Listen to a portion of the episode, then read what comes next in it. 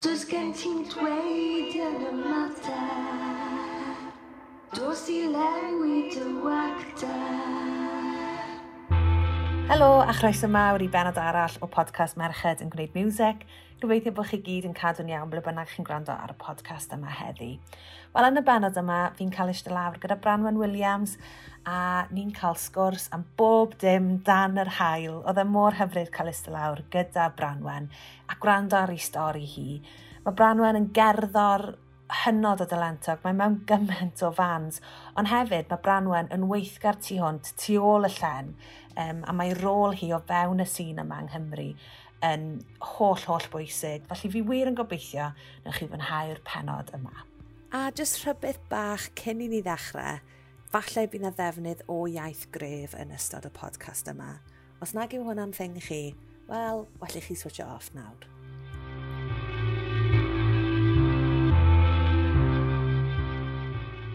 Helo, a chroeso mawr i benod arall o Merched yn gwneud music, y podcast, a fi'n chyfft iawn i weid bod yr hyfryd Branwen Williams gyda fi heddiw. Helo Branwen, sut i ti? Dwi'n dda iawn, diolch, mae'n braf oh, na gwa'n neis gweld hael o'r diwedd. A dydd gweld dewi hapus. Ac i titha hefyd. Dyn ni'n recordio hwn, dwi yng Nghaerdydd, yn stafell fyw fy rhieni, diolch mom and dad. A Branwen, lle i ti ar hyn o bryd? Fi'n Llanuwchlyn. Ah, sy'n ma Llanuwchlyn heddiw? Mae, mae mor y braf, mae'n anhygoel. Och. A mae fy mab bach yn cysgu, felly win-win. a gawn ni chat fach. Fi'n rili really edrych mlaen i gael sgwrs gyda ti. Um, fi'n rili really mwynhau, fi'n teimlo'n lwcus bod fi'n gallu gwneud y podcast yma, siarad gyda gymaint o fynywod anhygoel clywed i styriau nhw. Am pob podcast yn hollol, hollol wahanol sydd yn just yn wefr, really, fynd trwy pob un ohonyn nhw. So diolch yn fawr iawn am amser di. Branwen Williams, y cerddor aml dalentog, a hefyd yn rhedeg label, Ica Ching hefyd, A fi'n eich mlaen i sôn, uh, i siarad am y label gyda ti, achos um, mae'n ma ma, ma braf clywed am be mae menywod hefyd yn neud yn gefndirol yn y sîn gerddorol hefyd, achos mae'r gwaith yna'r un mor bwysig wrth gwrs a mynd allan o'r lwyfan a chreu cerddoriaeth. So, Branwen, na ni ddechrau yn y dechreuad a dechrau pan o ti'n fach yn tyfu fyny yn Llanuwchlyn? Ie, yeah, fan hyn dwi wedi bod erioed. Um, i rywun sy'n mwynhau'r celfoddydau, fysa ti ddim wedi gallu gofyn am fagwraeth well o ran mm. mae'r diwylliant yna mor grin y pentra yma, um, o pan wyt ti'n fach iawn, ti'n gael dylucho'r lwyfan, boi ti'n licio hynna neu ddim, ti ar lwyfan. so mae gen ti bedair steddfod yn y pentre. Waw! Heb sôn am steddfod yr urdd a cyngherddau a math yna bethau. Felly mae perfformio'n digwydd o oedran cynnar iawn, iawn, iawn. Ac yn yr ysgol gynradd, oedd e bwyslais enfawr ar ganu. Mm. A hmm. dim just canu dy bethau bach traddodiadol, oedden ni bob bore di Gwener yn cael awr o ganu, a lle oedden ni yn ffodus iawn iawn yn dysgu cyneuon Mick Stevens, a Tecwn Ifan, Edward H. Fe bynnag oedd yn boblogaidd ar y, ar y dydd, oedden ni'n cael dysgu'r cyneuon, felly so ni'n wedi gallu gofyn am ddechreuad gwell fel. Waw, pam, pam, pam ti'n meddwl te felly bod bo yna gymaint o... Tod, achos mae ma Llyn Uwchlyn yn, yn lle eitha bach yn diwedd, pam bod yna gymaint o greadigrwydd yn digwydd lle ydych chi? Dwi'n gwybod, achos bod ni'n gael o mor ifanc, mae'n rhan wedyn hollol naturiol o dy fywyd i, so ti'n mm. parhau efo fo. Mae gennau gor hogiau um, erbyn hyn. Mm. Um, maen nhw gyd rownd i dyda 5 ar 20, i 10 ar 20. Ond falle, os y bobl eraill o'r tu allan edrych yn mewn, yn meddwl, gosh, mae'n anrhyfedd bod yna 20 o hogiau eisiau mynd i ganu mm. bob nos iau, neu bynnag. Ond mae o mor naturiol yma hyn. Mm. Dwi'n gwybod. Dyn ni'n rhan o doddodiad cry, felly ti'n teimlo bod, bod ti eisiau parhau efo hwnna ac mae'n mor naturiol.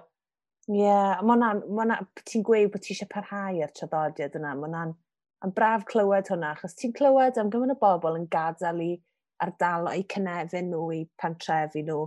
A mae'n gret bod ti dal yn Llynwchlyn a ti'n magu teulu dy hunan nawr yn dwyt ti wrth gwrs gyda meredydd bach. A wyt ti'n cyn i basio hwnna mlaen iddo fe hefyd, fi'n siŵr? Wel, o'n i'n meddwl yn ôl, pan o'n i'n cario fo, um, oedd gen i um, bedwar marfer cor yr wsnos, felly dio ddim yn gwybod dim gwahanol o'r groth, cradur bach. Fydda'n pitch perfect. Fi'n siŵr bod yn pitch perfect yn barod. Ac oedden ni'n gwneud paith cowboys hefyd, felly... Ach. Ie, yeah. gynnom gobaith na gos bechod. Mae wedi cael ei... Mae fel cerddoriaeth anghygoel o'r groth. Mae hwnna'n bach yn lwcus. Wrth gwrs, mae hefyd dad i wrth gwrs, pam ni sôn am dyfygwraeth, mae rai ni sôn am dy dad i Derek Williams, as in oedd e'n, ti'n yn, yn gawr yn y byd cerddoriaeth uh, yng Nghymru gyfan, a mae, mae tywod, i, mae, mae gerddoriaeth e a'i, tywod, i, i fywyd e yn ar yn byw nawr ac yn, tywod, yn cael ei syfaifio trwy, trwy ti a dyfrodyr di hefyd, achos mae'ch talent tri ohonoch chi just yn beyond. so mae rhaid bod ti wedi tyw, cael dy fagu ar eilwyd lle oedd dy dad, tywod, mae gerddoriaeth wasyn o'r gwmpas, oedd e'n tod, yn neud yr oplau roc yma, bob math o bethau gyda core, bob dim. Be oedd hwnna fel? O ti'n ti, ti, ti gwybod bod ti eisiau mynd head first mewn i gerddoriaeth? oedden ni'n gwirioni o oedran ifanc iawn, oedden ni'n mynd efo dad, nath o sefydlu um, Cwmni Theatr Maldwyn yn 1981. Um, a wedyn, so oedden ni'n cael yn geni oedd y sioe yma'n parhau. Mm. So, dwi bod nhw wedi sgwennu tua 12-13 o sioe yng nghyfnod Cwmni Maldwyn, o bob tro na sioe oedd yn cael ei fforfformio tua deuddeg o weithiau, goedden ni'n mynd i bob un o hein, mynd i'r ymarferion, eto yn gwybod dim gwahanol, ond, et, ond ti'n gweld rhai plant, ti'n gweld, os dwi'n cael ei gwthio gormod gan rieni, ti'n ti gasau ond dwyt. Mm. Ond oedden ni'n oedden ni obsessed. Dyma, dyna bywyd ni, mynd rownd, ti'n yn um, gwylio'r pobl ma'n canu, a dyma oedd yn caneuon, fatha, ti'n pa plant eraill yn canu les iac y do pethau. Wel, dyn ni'n canu yeah. canu cwmni Maldwyn, flat out. Clas. ac yn gwisgo fyny yn y gwisgoedd rownd y tŷ pethau. Yeah. Ac yn chwarae efo'r gwaed ffeic. a, of course. O, oedd o, ti'n fe, dwi, dwi wedi cael magwraeth, mae o'n idyllic pan dwi'n sbioed yn ôl yn efo, mae o'n mae mm. yeah, arbennig. A weithio dim ond fel oedolyn ti'n lle edrych yn ôl a twad, rili really sylweddoli pa mor unigryw hefyd mae dy yeah. fyrgwraeth di. A ti'n gweud amdano pobl, ti'n pan ti'n cael dy fforsio mewn i rhywbeth, a ti weithio'n gweld dwi drian rhai o'r plant yma ar lwyfan, sy'n fath, god, dydyn nhw really ddim yn edrych yn joio ei hunan. Ond pan ti'n deud bod, bod chi, oeddech chi'n obsessed, oeddech chi'n mwynhau y gymaint, efe achos oedd y pressure yna ddim yna? Ie. Yeah. Gathon ni rioed, erioed, yn oedden ni yn amlwg yn gorfod dilyn mam a dad i'r clefydd yma, oedden ni'n cael yn gadael adref yn hynny. um, ond, sy'n ni'n cael yn gadael i chwarae yn y theatre, gwneud beth bynnag oedden ni isio. Mm. Ond ti'n amsugno'r pethau yma fatha osmosis, dydy. Mae'n mm. ma deimlad anodd iawn roi mewn geiriau. Ond wedyn, yn, efo dad, oedd gen ti ddau arall yn sgwennu, sef Penry Roberts a Linda, Linda Gittins. A mae gwylio Lunda'n chwarae'r piano a gwybod mae hi oedd yn cyfansoddi'r darnau a gwylio hi'n dysgu bobl i ganu, mae hwnna wedi bod yn ddylanwad enfawr yna i gweld menyw yn sefyll o flaen dros gant o bobl ac yn gwneud hyn mor naturiol, yn chwarae piano fy un llaw ac yn arwain fo llaw arall, deith mm -hmm. y mm-hmm. band be'n neud fo llaw arall, neu rhywbeth arall fo'i ffen. Mae'n berson anhygoel a mae gwaithi, ffordd mae'n trefnu caneuon yn dos, dos y neb debyg iddi, a dwi'n meddwl bod hi'n cael hanner gymaint o, hanner digon o glod y gydylsa hi gael. Um, felly, mm. o cychwyn cyntaf, o'n i eisiau bod fel yna, o'n i eisiau bod fel hi, y ffordd o'n i'n chwarae'r piano. Mae, dwy mae dwylo'n bob man ar draws fel yna. Anhygoel. Ydy hi, ydy hi'n un o'r bobl yna felly yn tyfu fyny, oedd y ti'n edrych fyny i mewn ffordd? Oedd y ti'n achos mae lot o bobl yn sôn amdano pwy yw i. To, pwy yw'r bobl yna pan ti'n tyfu fyny sydd yn dysbrydoli di, sy'n sy, n, sy neud i ti feddwl fi eisiau gyrfa yn, yn hwn. Oedd hi'n un o'r bobl yna? Oedd, ond eto, dwi wedi tyfu fyny mewn pentre lle mae diddordeb ydy'r celfyddydau. Do gen ti neb, right. dwi'n dwi meddwl, ia, na neb, dwi'n meddwl yn gwneud o fel gyrfa. Mm. Mae wastad yn, yn rhywbeth o ti'n gwneud fel ffafr i rywun, neu ti'n gwybod, rhywbeth o ti'n gwneud fi nos, ynda, ydy mm. cerddoriaeth. Felly mae wedi bod yn ddiddorol gwneud yr newid byd, wedi, fi a gosian ymrawd hefyd, i, i droi o'i fewn i yrfa lle ti'n gorfod dechrau rhoi gwerth ar dy ddawn di fel cerddor neu byw ti'n gallu gwneud. Achos mae ma gymaint o bobl o'n ffyrin yn gwneud o fel ffafr neu fel diddordeb. Mm. Mae hwnna wedi bod yn reit ddiddorol. A pan ti'n deud pobl hefyd bod gen ti, bod ti'n trio wneud gyrfa yn y celfyddydau, mae pobl yn sbio ar hwnna. Dyn, um, na, mae hwnna'n ma ddiddorol hwnna. Ie, yeah, mae hwnna yn ddiddorol, achos o'n i'n meddwl falle bys y fe i'r gwrthwyneb, ta bys y pobl fel, wel, wrth gwrs bod nhw'n mynd i wneud ar gyrfa llywyrchus mas o'r cyfoddydau, ond pa, pam, pam bod ti'n... Pa, pa mor anodd oedd e felly i sort of cam i nôl y bod fel na fi'n mynd i wneud gyrfa allan o hwnna? Pryd nath hwnna ddigwydd i ti? Ddigwydd uh, tair mlynedd yn ôl o ran mynd yn hollol hynna'n gyflogedig. Um, yeah. Hyn yna ni'n gweithio'r urdd a di cael amser hollol ffantastig ar dechrau gorau. Wel, o'n i'n bro, am bron i ddeg mlynedd yn gweithio fy'r urdd. Mm. Um, a mae hwnna wedi bod yn blatfform da iawn i fi fynd wedyn i weithio yn llawrydd yn sicr. Mm. Ond beth sy'n braf ond ydy cael mynd rownd ysgolion a gweithio efo plant a bobl ifanc a deithio nhw, mi fedrwch chi wneud bywoliaeth o, o'r celfyddydau, cant a cant, mi fedrwch chi. Mae yna gymaint o stig yn yma. Ti'n gwybod, bod ti'n meddwl bod, bod ti ddim yn gallu ffeindio gwaith. Mi, fed, mi fedru ddim, mae'n bwysig cael y neges yna drosodd, achos ges i ddim y neges yna pan un yr ysgol o gwbl. Mm, mm. Wel, mae hwnna, ma, pan, pan ti'n cael mygwraeth creadigol hefyd, lle mae pobl yn dy deulu di wneud e, mae hwnna'n help hefyd yn dywe. Yndi, um, ond yn, yn ddigri iawn, oedd yn rhieni ni'n sceptig, ddim sceptig, ond yn bryderus. Ti eisiau dy blant bod mewn swydd sefydlog yn dweud, ti eisiau nhw gael y, y gorau, ac yn amlwg ti'n eisiau nhw sgrowndio off, off eich di am weddill i oesau, a weddill i oes, felly... Wel, pan oedd nhw sylweddoli bod i trio i plant nhw, a fi ymrawd canol meilir a gosian yn mynd lawr y trywydd celfyddydol, mi nath, dwi'n cofio dad yn panicio ac meddwl, be yn y byd dwi wedi wneud, dwi wedi arwain y plant yma lawr trywydd, lle, lle bydden nhw, bydden nhw ddim yn cael gwaith. Um, felly, da ni jyst wedi bod yn ffodus iawn, iawn, iawn, fel pethau wedi disgyn i'w lle, a bod ni wedi, diolch byth, gallu profi dad yn anghywir. O, oh, fi siw fysa'n brod iawn. I mean, mae fe'n, mae'r tri ohonoch chi'n gredit anferthol iddo fe. Mae ma, ma, ma talent just yn anhygoel a sy'n ni'n hoffi sôn chydig am um, ta, ble, ble nes di astudio a fel, achos oedd hwnna'n rhan o, o dysgu dy grefft di o gwbl? Wel, pan o'n i'n chweched, o'n i mewn andros o gyfen gyngor, o'n i'n mynd i fynd i studio cerddoriaeth neu mynd i studio drama. Yn y mm. diwedd, drama nes i benderfynu, felly si Aberystwyth studio Cymraeg a drama, yr, er, er cliché gradd, mae pawb yn dweud e, si siarad hey, Cymraeg. Mae'n radd da i gael, do. Grada yn y Gymraeg. O, ia. O beth yn bril yn Aberystwyth yn, yn hollol... Pan dwi'n sbio nôl, dwi'n boncas, os deunaw oed wyt ti'n den dechrau yn brifysgol. Uh, nes i just dechrau cwmni theatr bach yn hun. A nes, yeah. nes i lwyfannu un o sioia dad, oratorio, so fatha, ti'n sefyll a ti'n canu trwy fo, basically. Yeah. A nath ni wneud yna a, a teithio fo. A dwi'n meddwl, no, mae'n rhaid, ma rhaid o'n i'n hollol deluded, da deunaw oed, a nes i wneud y cyfan i gyd fy hun.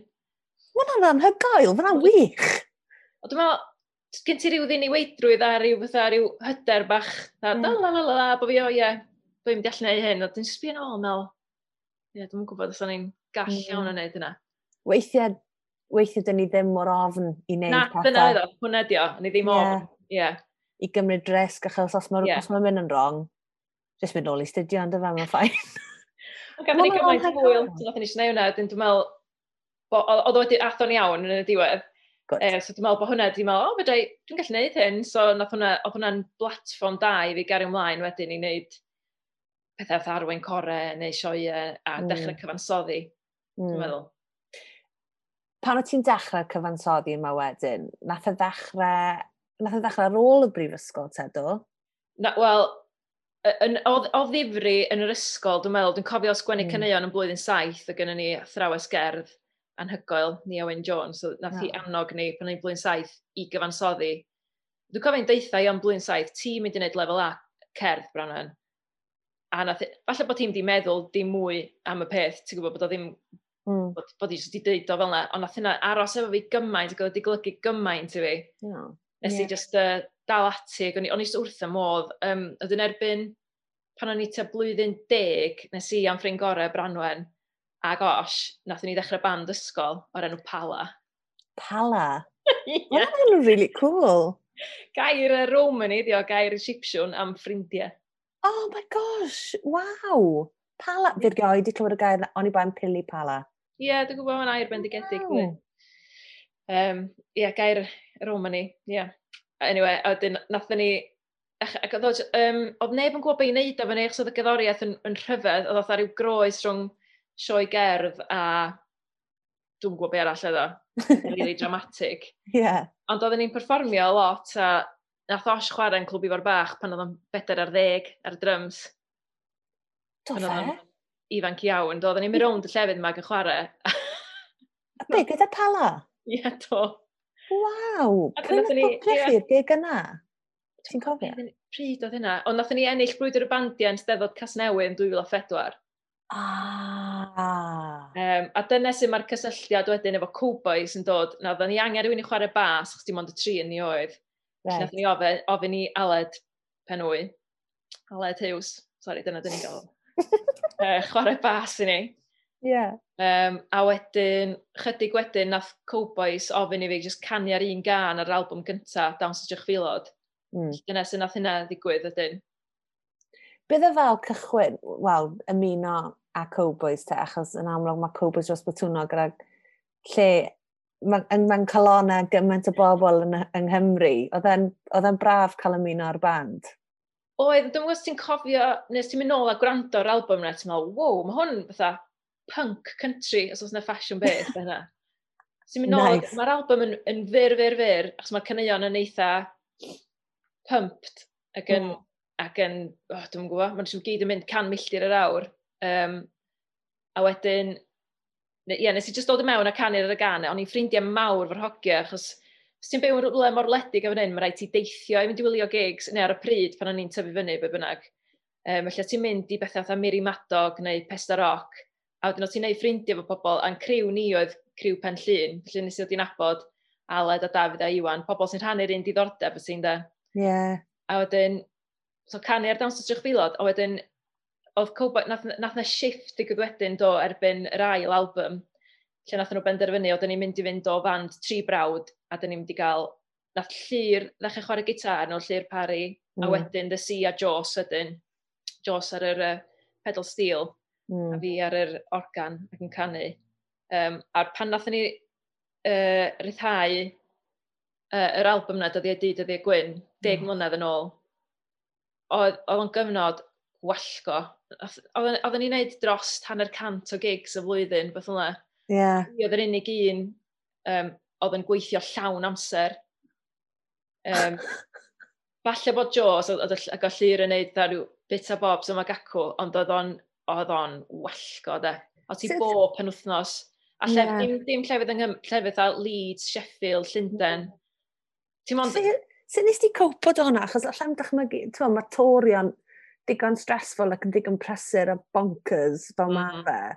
Sut nes ti fe gyda job llawn amser hefyd? Oedd o'n tuff, de. Yeah. Oedd tuff um, o ran blinder. Ond oh eto, oh, oedd y peth gorau erioed, oedd yr hogiau Cowboys o gen nhw fan ar y pryd, mm. so hmm. oedden ni gyd yn mynd yn y fan, a pan ti'n sbio nôl, neu pan dwi'n gwrando nôl ar yr album ne, o, mae'n mynd o fi nôl i rwle cynnes ac arbennig ofnadwy de. Cos oedd y math yna gyddoriaeth doedd, yr Americana na'r er canu gwlad gwerin, yeah. Er, di dechrau dod yn ôl yn doedd deg mlynedd yn ôl, mm. ac oedd o'n wir yn codi momentum, ac oedden ni'n nghanol hwnna. Oh, mae'n nostalgic iawn hefyd yn dweud. Mae cerddoriaeth cowboys, mae'n So, na le pan fi'n gweud bod mae mae mewn lle mewn gymaint o galonau pobl yng Nghymru, achos mae e'n mynd at i nôl i gyfnod, wel dyna pwer cerddoriaeth hefyd, yn dyfa bod mynd at i nôl i gyfnod y gwahanol dy fywyd di. So gyda Cowboys wedyn, wyt ti'n ti rhan o'r broses cyfansoddi, wyt ti'n rhan, neu wyt ti jyst yn mwynhau gallu mynd mewn a ma, bod yn rhan o'r band byw? Mae pob proses o bob band yn eitha gwahanol. Um, mm. Pan dos i mewn i Cowboys gyntaf, dilyn yn union be oedd Iwan isio o'n i, o ran darnau mm. piano a darnau mm-hmm. organ. Ond yn ar y deg, mae hynna wedi dechrau newid i bod fi'n dechrau cyfansoddi'n rhannau'n hun. Ond mm. dwi'n gwybod, dwi, dwi ofyn chdi bach gan mae babis Iwan ydy'r cyneuon. Um, mm-hmm. dwi, dwi eisiau dwi gwneud yn union be mae Iwan eisiau ran gwneud cyfiawnder o'r cyneuon, achos maen nhw'n ma nhw gampweithiau. Dwi'n meddwl fi'n cael deud yna, dwi'n cam ddigon pell i allu deud bod nhw'n gyneuon arbennig iawn. Ie, yeah. na, maen nhw yn, maen nhw'n, mae ma, ma Ewan, mae da, ma ddawn sgwennu fan anhygoel yn dyma. Yeah. Um, so ti'n deud bod proses cyfansoddi pob band wahanol, achos mi rwyt ti mewn lot o fandiau sydd ddi candelas, blodau papur a cowboys wrth gwrs. So, os yna ni ddechrau falle gyda, wel, candelas, achos yn amlwg, ti'n ti rhan anatod o'r band byw yn dwyt ti, a ma, ma fi'n cofio, ti'n pobl yn gwyl, gwylio ti, a mae fel lot o fechgyn, a mae ti yna, a mae'n ma cool bod, bod na ferch yna yng nghanol hwnna i gyd. Wyt ti'n rhan o'r broses creu Na, ddim o gwbl, na, na, na osian diwna i gyd. Ond beth be sy'n ffynnu, pan ni'n ysgol, so oedd osian a'r twins a Ifan yn blwyddyn saith, o'n i'n chwech un falle, Mm. A bob amser chwarae, neu be bynnag ti'n gael nhw erbyn hyn, amser chwarae, amser egwyl, be bynnag, oedd yeah. E ni gyd ar yn pennau'r stafell gerdd mm. ac oedd yr offerenna allan. A dwi'n cofio, dys, fydda fi, dwi'n rili yn gallu chwarae gitar, ond dwi'n cofio dysgu nhw ar y dechrau, o'n i'n sgwennu cords allan, caneuon oedd yn boblogaidd um, ar, y, ar y cyfnod, dda caneuon guacamole a pobl fel yna, nes yn sgwennu'r mm. cors allan iddyn nhw, gyda ni jyst yn chwarae nhw, agor rhys gwynfor efo ni hefyd. Mm. Chwarae, fanna ddyn ni'n mynd. Waw. Ie, yeah, nath nhw ddechrau yn yr ysgol fel band. Os ti'n gweld golwg ar nhw, nhw gyd o gwalltiau fel yna. Masif. Oh, mop o allt. yeah. Ti'n mwynhau neu gigs candelas? Ti dal yn joio nhw? Yn do. Mae ma hwnna'n wefr da. Achos mae'r ma, ma, ma just, ma, ma contrast gerddorol i ddechrau gyda rhwng y bandiau eraill ti'n ynghlwm a wedyn mae candelas, mae candelas sort of fel pegwn gwahanol, really, yn dywe. A mae'r ma gigs yn full on, mae pawb yn ymdywen i, mae pawb yn canu, canu nôl yn gweiddi canu, os rhywbeth. Mae hwnna'n brofiad yn hygo wir yn... Pan ti'n mynd i maes B, neu pan oedden ni, oh. um, a ti'n gweld pobl lot lot iau na fi yn, yn canu geiriau yn ôl, mae o'n a mae os ti dechrau rhywbeth newydd o diolch cael y dorf i gyd eistedd lawr yn y gan awn ni nôl, mae'n y ddan mm. tawel. Mm. A wedyn mae'r gan yn mynd yn nuts wedyn. Mm. Gallu cael cannoedd o bobl eistedd lawr, a wedyn cael nhw'n neidio i fyny. Mae'n di, yn enwedig, dyna i byth byth anghofio gig y pafiliwn um, y tro cyntaf gath o'i wneud yn y fenni, dwi'n meddwl, dwi'n iawn. Ie. Yeah. So, yeah. Um, oedd o'n oedd o'n drydan, oedd ti'n teimlo'r trydan yn y pafiliwn, a pobl ar flaen i set, da ddim yn gwybod, dyn ni, o, oh, dyn ni'n cael dawnsio, dyn ni'n cael symud. Ac o, nath rhywun wneud yr symud yn do i lawr i'r tu blaen, a nath y lle, nath y lle ffrwydro. Oedd rhywbeth i shifftio yn do. Do. Ti'n bod ar dy draed yn y pafiliwn. Union yna, ie. Yeah. Mae gigs y pafiliwn, mae ma fe'n anhygoel, ti'n y shift yna fel, ach mae'n concept mor estron i gymaint ohono ni yn diwe, mynd i wylio clywed rock yn y, yn y pavilion, achos mae'n ma, ma rhywbeth mor weird e yn diwe. Oedd hi jyst cymysgedd y bopeth. O'n i'n...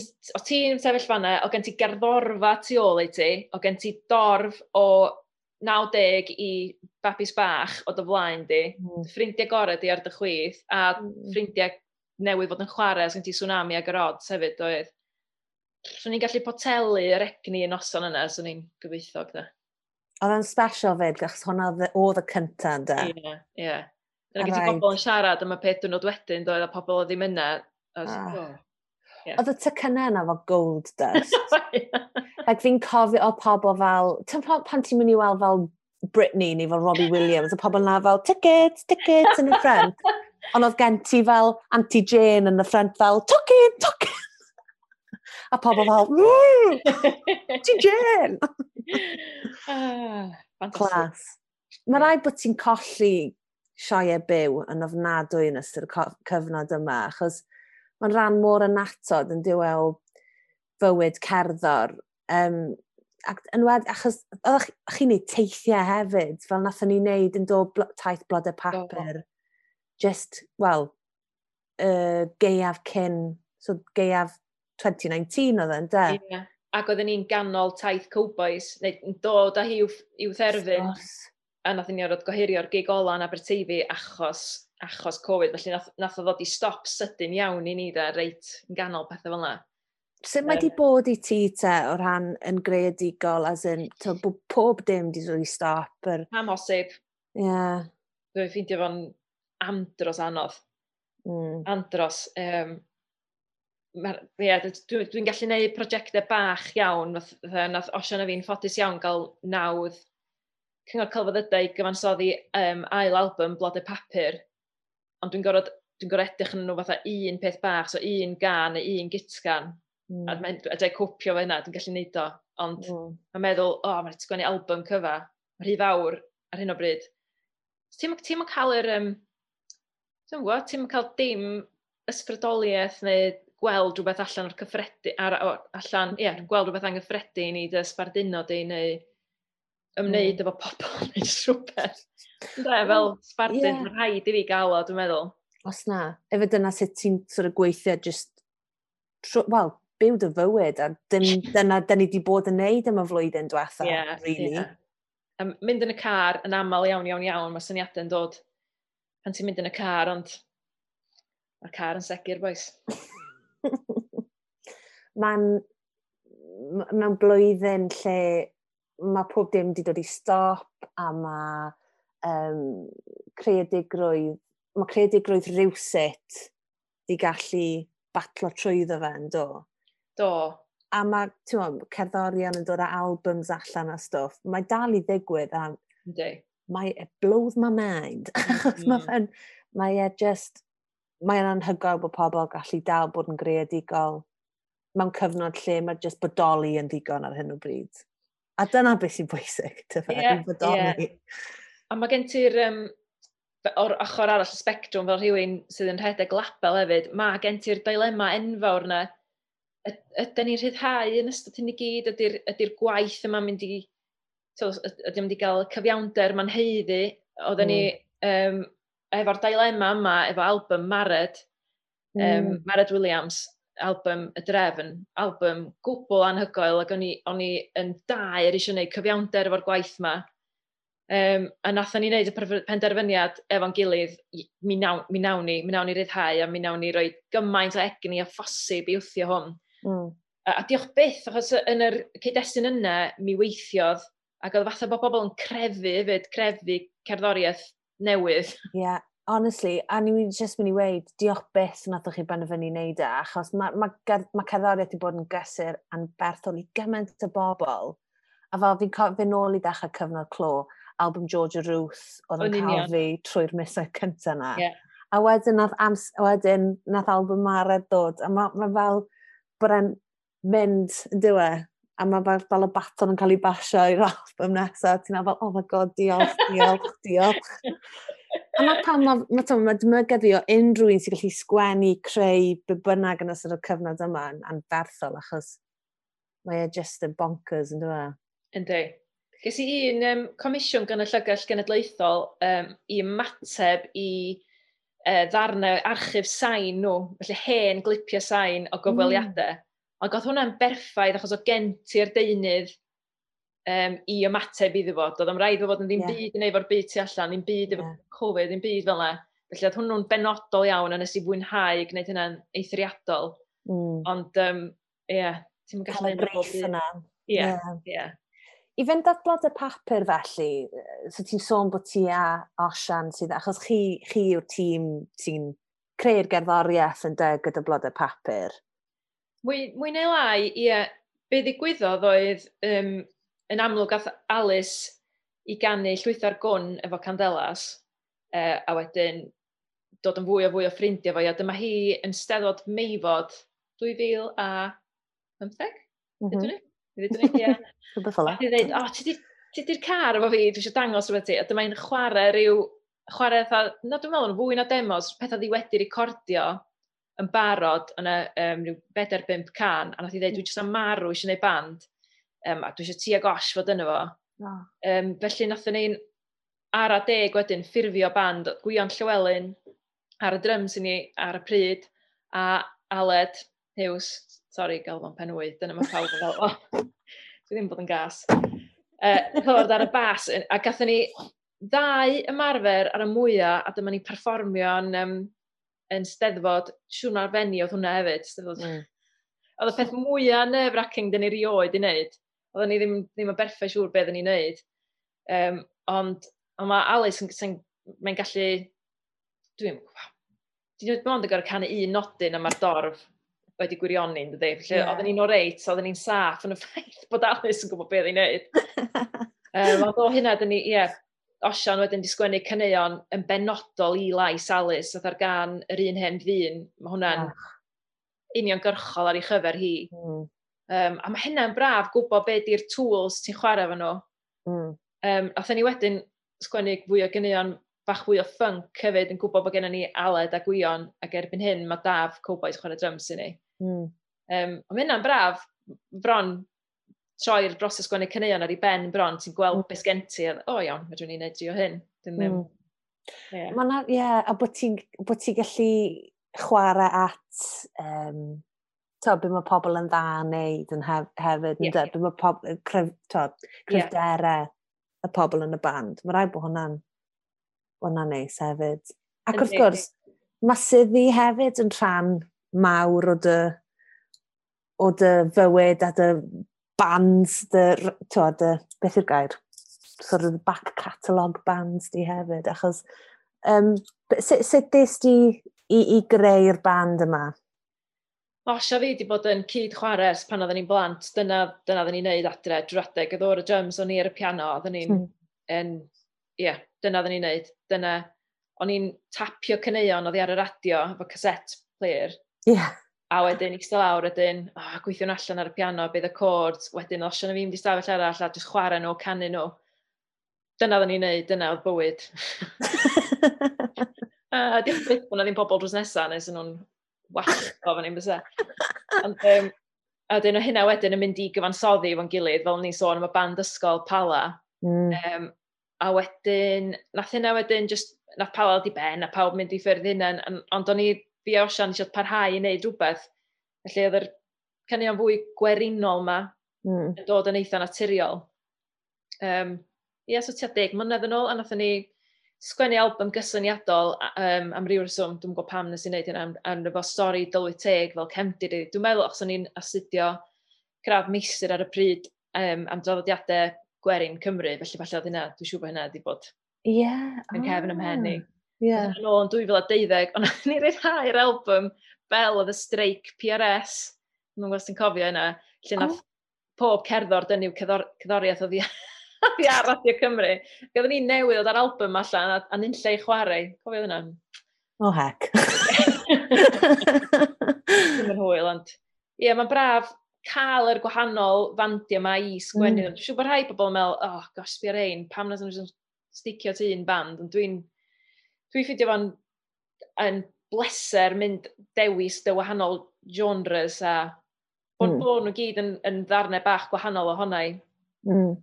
A os ti gallu sgwennu i'r gwahanol genres yna wedyn, pam lai? Mae'n ma, ma, ma fwy o hwyl lle ddechmygu hefyd fel cerddor, bod ti'n gallu to, so dipio mewn. Ie, yeah, dwi, dwi, dwi ddim yn deall y bobl yma sy'n mynd yn ddan, gweld cerddoriaeth, mynd yn bersonol yn erbyn rhyw fand neu mynd yn erbyn rhyw...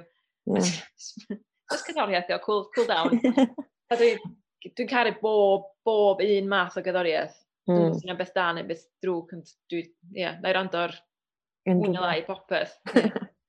Mae'n rhaid bod yn braf hefyd bod gen ti i ddechrau gyda brawd ond ffrind hefyd, rhywun ti'n gallu cydweithio gyda mor agos a mor dda hefyd. Mae rhaid bod hwnna jyst yn, yn thrill hefyd, to bod ti jyst gallu bwnsio syniadau i ffwrdd o rywun. Yndi. Dim lot o bobl sy'n gyda hwnna.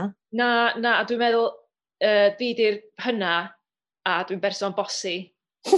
a um, dwi'n meddwl bod fi di moldio fy mrawd bach, so mae'n bron i bedair mlynedd rhwng fi a gosian, bod fi di moldio Osian i'r ffrind a'r brawd o'n isio.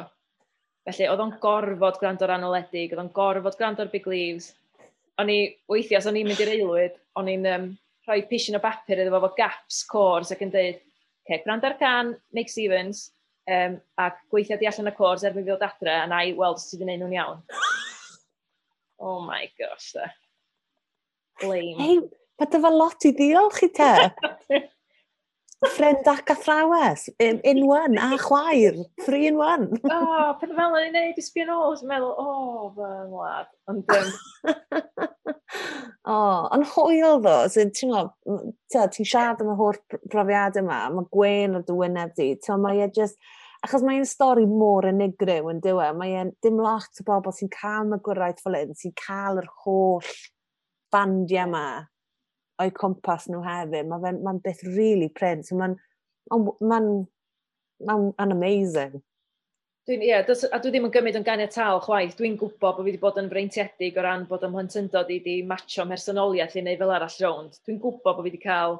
Mm. So, da ni, da ni yn byw mewn pentre dosbarth canol breintiedig. So, dos o ddim gwadu hynna nag oes. Mm. Um, felly, a, felly, a mae pethau wedi dod yn hawdd i ni. Da ni, da ni wedi cael y cyfan o ran yr, yr profiadau yma, a'r canu, a dyn, dyn ni heb fynd heb ddim, felly mm. dwi'n dwi ddiolchgar yma bob un dydd, na i byth gymryd yna'n gan y tal, da. Hmm, mm. Mae hefyd wedyn yr ochr cefndirol o gerddoriaeth ti'n rhan mawr o, sef yn amlwg dy rôl di o fewn label like a ching. So sut, sut nath hwnna, sut ddys ti'n rhan o'r tîm y label yna? Um, pan nes i symud adre Gaerdydd yn union deg mlynedd yn ôl, mm. um, oedd, pan oedden ni'n tyfu fyny yn yr ardal yma, gen ti gwyl y gwyniad bob blwyddyn a gigs uh, yn, ar hyd tre bala, oedd yn ffantastig. Um, ond do'na ddim byd byw wedi bod yn balas blynyddoedd, felly nath y griw yn ni um, ddechrau trefnu gigs. A dros y ddegawd diwethaf, da ni wedi trefnu rhyw 35 o gigs. Um, mm. A dwi'n falch iawn iawn o'r gwaith dyn ni wedi gwneud y fanna, achos oedd yna, oedd y tir yn ddiffeth o ran perfformiadau byw yma. Um, mm. A dwi'n mor falch bod ni wedi gwneud hynna. Um, ar yr un un pryd nes i fynd i helpu tîm Gwyl Gwydir i drefnu'r wyl yna. Mm. Um, ac oedd Gwion Sgifone yn un o'r cyd-drefnwyr. Oedd hyn nôl yn 2011, dwi'n meddwl, felly spel yn ôl. Mm. A gwion na fi'n cydweithio mor hawdd, mor dda. so ddim, dwi'n dwi berson siarad yn blaen, gwio'n yn unio'r unig peth. So ddim waffla na bod yn yeah. pan fuzzy ac dyn ni just siarad yn blaen. Felly oedden ni'n gallu, dwi'n mo, just gallu gweithio yn mor hawdd yma'n gilydd. Felly nath mm. ofyn o, ti eisiau dod i helpu fi fel Apple like a ching, a ddod i sefydlu fo union deg mlynedd yn ôl i, i Lenny, mm. er mwyn rhyddhau cyddoriaeth Texas Radio Band a Gen Janeiro. Um, a wedyn o hynna wedyn, pan nes i ymuno um, Candelas a Tsunami oedd y ddau band mawr oedd di ymuno fan ni ar y pryd. Uh, yeah, mae'n just yn lot o hwyl. A gwybod, dwi hefyd ddim yn berson sy'n licio um, bod yn llygad y cyhoedd, felly mae'n siwtio fi'n dda iawn bod rôl tu ôl. A pan ti'n cael yr CD ffisegol, dwi'n gwybod diolch yn digwydd gymaint dyddi yma, yn dylaw ar ddiwedd proses o helpu band i ddod â'i allan, mae yn mm. deimlad arbennig iawn gwybod bod ti wedi mm. chwarae dy rôl yn y cefndir yn dawel bach. Um, Ynddi, mae'n deimlad braf iawn. Pa, ah, fi'n iawn yn cwestiwn falle anodd, be sy'n dod â mwyaf bleser i ti, mwyaf pleser i ti'n bersonol, Efer helpu pobl eraill, neu wyt ti'n mwynhau'r, ti'n yr perfformiad fyw yna, creu'r cerddoriaeth yna, dipyn bach yn fwy. Dwi angen y cyfan, dwi'n meddwl. Ie. Yeah. Dwi'n gobeithio bod fi yn dod â hynna i'r label fel rhywun sydd wedi perfformio, sy'n sy gwybod sy'n mai y ddwy ochr i'r geiniog. Um, dwi hefyd yn berson aflonydd iawn, um, sydd ddim yn gwneud yn dda yn eistedd gwmpas. Felly, dwi, ang dwi angen yr, yr holl bethau yna, dwi angen y cyfansoddi, y recordio, perfformio a'r bod tu ôl hefyd, dwi'n meddwl. Mm. Yeah. Mae hefyd, wrth gwrs, y rôl ti'n i chwarae yn Theatr Derek Williams, y uh, er ganolfan wyt ti wedi greu. Um, be, be, be yw dy rôl di yn hynny a sut mae hynny'n mynd ar hyn o bryd? Wel, um, dath hynna i fodolaeth gan fod, bod ni wedi colli neuad buddig yn y bala. Um, da ni wedi dod dros yna wan, yr adeilad yna'n chwarae, di chwarae lle arbennig iawn yn, yn taith ni o drefnu gigs, chos mae gennau ysgofion bendigedig o'r gigs yn ni wedi drefnu fanna. Um, mm. Ond ta waith. E, da ni wedi cael theatr newydd sbon, wedi i ddeif rhan o Ysgol Gydol Oes Newydd y Bala, Ysgol Godr Berwyn, Mm. Um, ac braint enfawr i ni fel teulu oedd bod nhw wedi penderfynu enwi'r theatr ar ôl dad, achos oedd o'n athro mathemateg yn yr ysgol hefyd, e, uh, a'i rôl a wedyn fel, uh, fel un o e, gynhyrchwyr um, cwmni theatr Maldwyn. Mm. A oedd hefyd yn gwneud sioia yn yr ysgol. Um, wow. A mae o wedi cyffwr bywydau canoedd os nad miloedd o bobl ifanc, felly dwi'n teimlo'n freintiedig iawn cael bod yn uh, gydlynydd i'r theatr newan deuddydd yr wythnos. Um, mm. Oedden ni wedi dechrau reit dda, wedi cael sioia gwych yna yn mm. Ie, Mm. Uh, yeah, mae Covid wedi rhoi stop ar bethau am fyny bach, ond fyddwn ni'n ôl. Ie. Yeah. Achos oedd um, un o'r sioia, nath chi'n chi wneud un o'r sioia taith bod y papur yna, yn do? Oh do, hwnna ddyn o'r gigs cyntaf dyn ni wedi gynnal yna. Um, ie, yeah. oedd hwnna'n yeah. brofiad, ie, yeah. arbennig. Fi'n siŵr. A jyst yeah. yn siwtio rhywle fel ag gymaint hefyd, ti'n modd, yr, yr ham, tod, isten hamddenol a gallu gwrando ar gerddoriaeth byw. Ie. Yeah. Mae'n rhywbeth da ni gyd yn awchu amdano nawr yn hefyd, ti'n modd. Ie, a dyna, ti newid roed yr, dyna di'r gair cywir, efo blodau papur, ti angen eistedd o gwrando, dwi'n meddwl. Mm. Be ti'n ffeindio efo'r holl fandiau uh, dwi'n perfformio nhw ydy, mae ma na, natur y gynulleidfa'n wahanol iawn yn bob un, a mae rhaid i ti gael yr um, cydbwysedd yna'n gywir, neu di'r gig ddim yn gweithio. Mm. Dwi'n dwi meddwl mae rhaid i eistedd gwrando ar bod y papur, a mae rhaid i ti fynd yn wyllt i candelas, neu, neu di'r di, di, di gemeg yna ddim yn gweithio na chdi. Mm. Cystal. Ie, yeah, achos mae hwnna'n rhan mawr amdano fel to ffrydio byw gigs nawr yn dyfes. Yeah. Ti'n meddwl, whether or not bod gwylio band rock neu pop neu whatever yn, yn wedi ffrydio ydy'r un profiad a gwylio falle band sydd bach mwy chilled a bach mwy folky falle. Ti'n meddwl, yeah. mae'r ma profiad yn wahanol i bob band, really, yn dweud. Yndi. Mae hwnna'n benderfyniad anodd i fandio hefyd ydy, ydyn ni'n buddsoddi mewn rhywbeth ar-lein, ydy pobl wedi laru, ydy pobl angen hyn. Mm. Mae'n anodd, boes. Mm, yndi. Ond mae yna ole ar diwedd Oes. y twnel sydd yn gyffroes tu hwnt a mae rhywbeth sy'n cadw fi fynd yn enwedig yn ystod yr amser yma. So beth be sy'n nesau i ti yn greadigol, tod, gyda'r label, be, be, be sy'n ar y gweill i ti? Um, dwi'n meddwl yr peth mawr nes i, uh, rhyw dyletswydd nes i gymryd arno fy hun efo'r label oedd mynd ar ôl denu chwaneg o ferched i greu cerddoriaeth. Um, fel o'n i'n sôn cyn, dwi ddim yn berson i, i siarad neu mynd ar y cyfnod cymdeithasol i ddeud y marn am bethau. Mm. Sgan i'n diddordeb yna, mae rhaid i ti wneud rhywbeth ddim dweud. Um, a lle dyn ni wedi gweithio yn, yn galed iawn ar hyn. Mm. Um, gen i dal uh, le i wella, ond mae, mae yn, dyn ni ar y trywydd iawn, dwi'n teimlo, dyn ni wedi dod â album arad allan. Um, mm. Mae sengl gan glain Rhys newydd gael ei ryddhau rhyw beth efnos yn ôl. Mae'n wych. Lir gweinydd. Mm. Mae wrthi'n recordio i album wan. Um, a fe gennym ni um, gerddoriaeth gan um, gerddor newydd i'r sîn yr enw Gwenno Morgan yn dod allan yn y Gwanwyn yma hefyd. Mm. Um, felly rhwng y tair yna a fi, Alice, marged ar y bas i'r cledrau um, mm. a Mali a Lysan serol serol, dwi'n dwi, hapus iawn efo y ffordd da ni'n mynd a, a dy gymryd i barhau i fynd lawr y trywydd yna hefyd. Mm.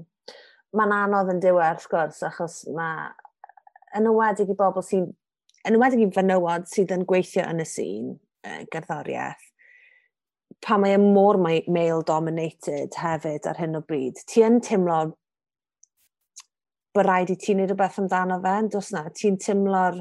Wyt ti'n teimlo'r kind of weithiau pressure yna i, i newid pethau?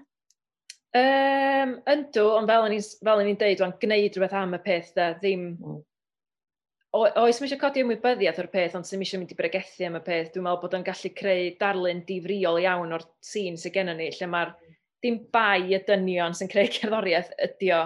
Mm. bod na ddim merched yna. Dwi'n meddwl, sy'n eisiau ni feio nhw, mae eisiau ni weithio'n galed i annog merched trwy weithdau, trwy fynd at merched yn uniongyrchol, hyfforddi hmm. nhw, denu nhw, um, a, a portreadu y sîn gerddoriaeth Gymraeg fel lle um, croesawgar iawn, iawn, iawn, achos mae o, mae o. Pan o'n i'n dechrau nôl adeg pala, doedd na, do na pryn ddim merched, ond o'n i ddim yn gweld hynna fel rhwystyr, achos ges i gymaint o anogaeth gan fandi ar y pryd, um, boed nhw'n licio'n cerddoriaeth neu, neu ddim, oedden nhw dal yn annog ni, oedd gen ti frisbi, yn ei anter, sybrydion, oedden nhw mor groesawgar ac yn, dwi'n gwybod, just yn, yn dy annog di, um, felly mae eisiau ni, mae eisiau ni barhau i lawr y trywydd yna'n bendant. Da. Mm. A, a wir chi, mae o'n le bendigedig ac mae'n mae n, mae fraint cael bod yn rhan o'r sy'n gerddoriaeth. Felly, a beth dwi'n deud o hyd, os oes yna ferched, neu unrhyw un sydd eisiau gwneud cerddoriaeth, eisiau cysylltu, gnewch, os ydych chi angen unrhyw help, os hmm. fedrau, dwi'n dwi eisiau deud bod fi fath o gwrw. Ond os, os fedrau helpu mewn unrhyw ffordd, boed fel label neu fel cerddor, Mm. Mi ydy ni yma i helpu. Branwen, ar y nod yn yna, fi'n credu bod yna'n le perffaith i orffen achos ti'n ti, ysbrydoliaeth wir. Man, a fi'n gobeithio bod unrhyw un sy'n gwrando ar y podcast yma, bod bynnag yw'ch oedran chi os chi'n ifanc neu'n hun, as in, y lle i bawb, fel ti'n gweud. Branwen, diolch yn galon. Ha? Dwi'n hen o'n, so oes mae lle unrhyw un. Ti ddim. Brannon, diolch y galon amdano amser di. Wir i ti, mae wedi bod yn hyfryd siarad gyda ti a hir oes i'r cerddoriaeth ti'n ei greu. Mae fe'n codi calonau gymaint ohono ni. Diolch yn fawr. Diolch yn fawr. Diolch.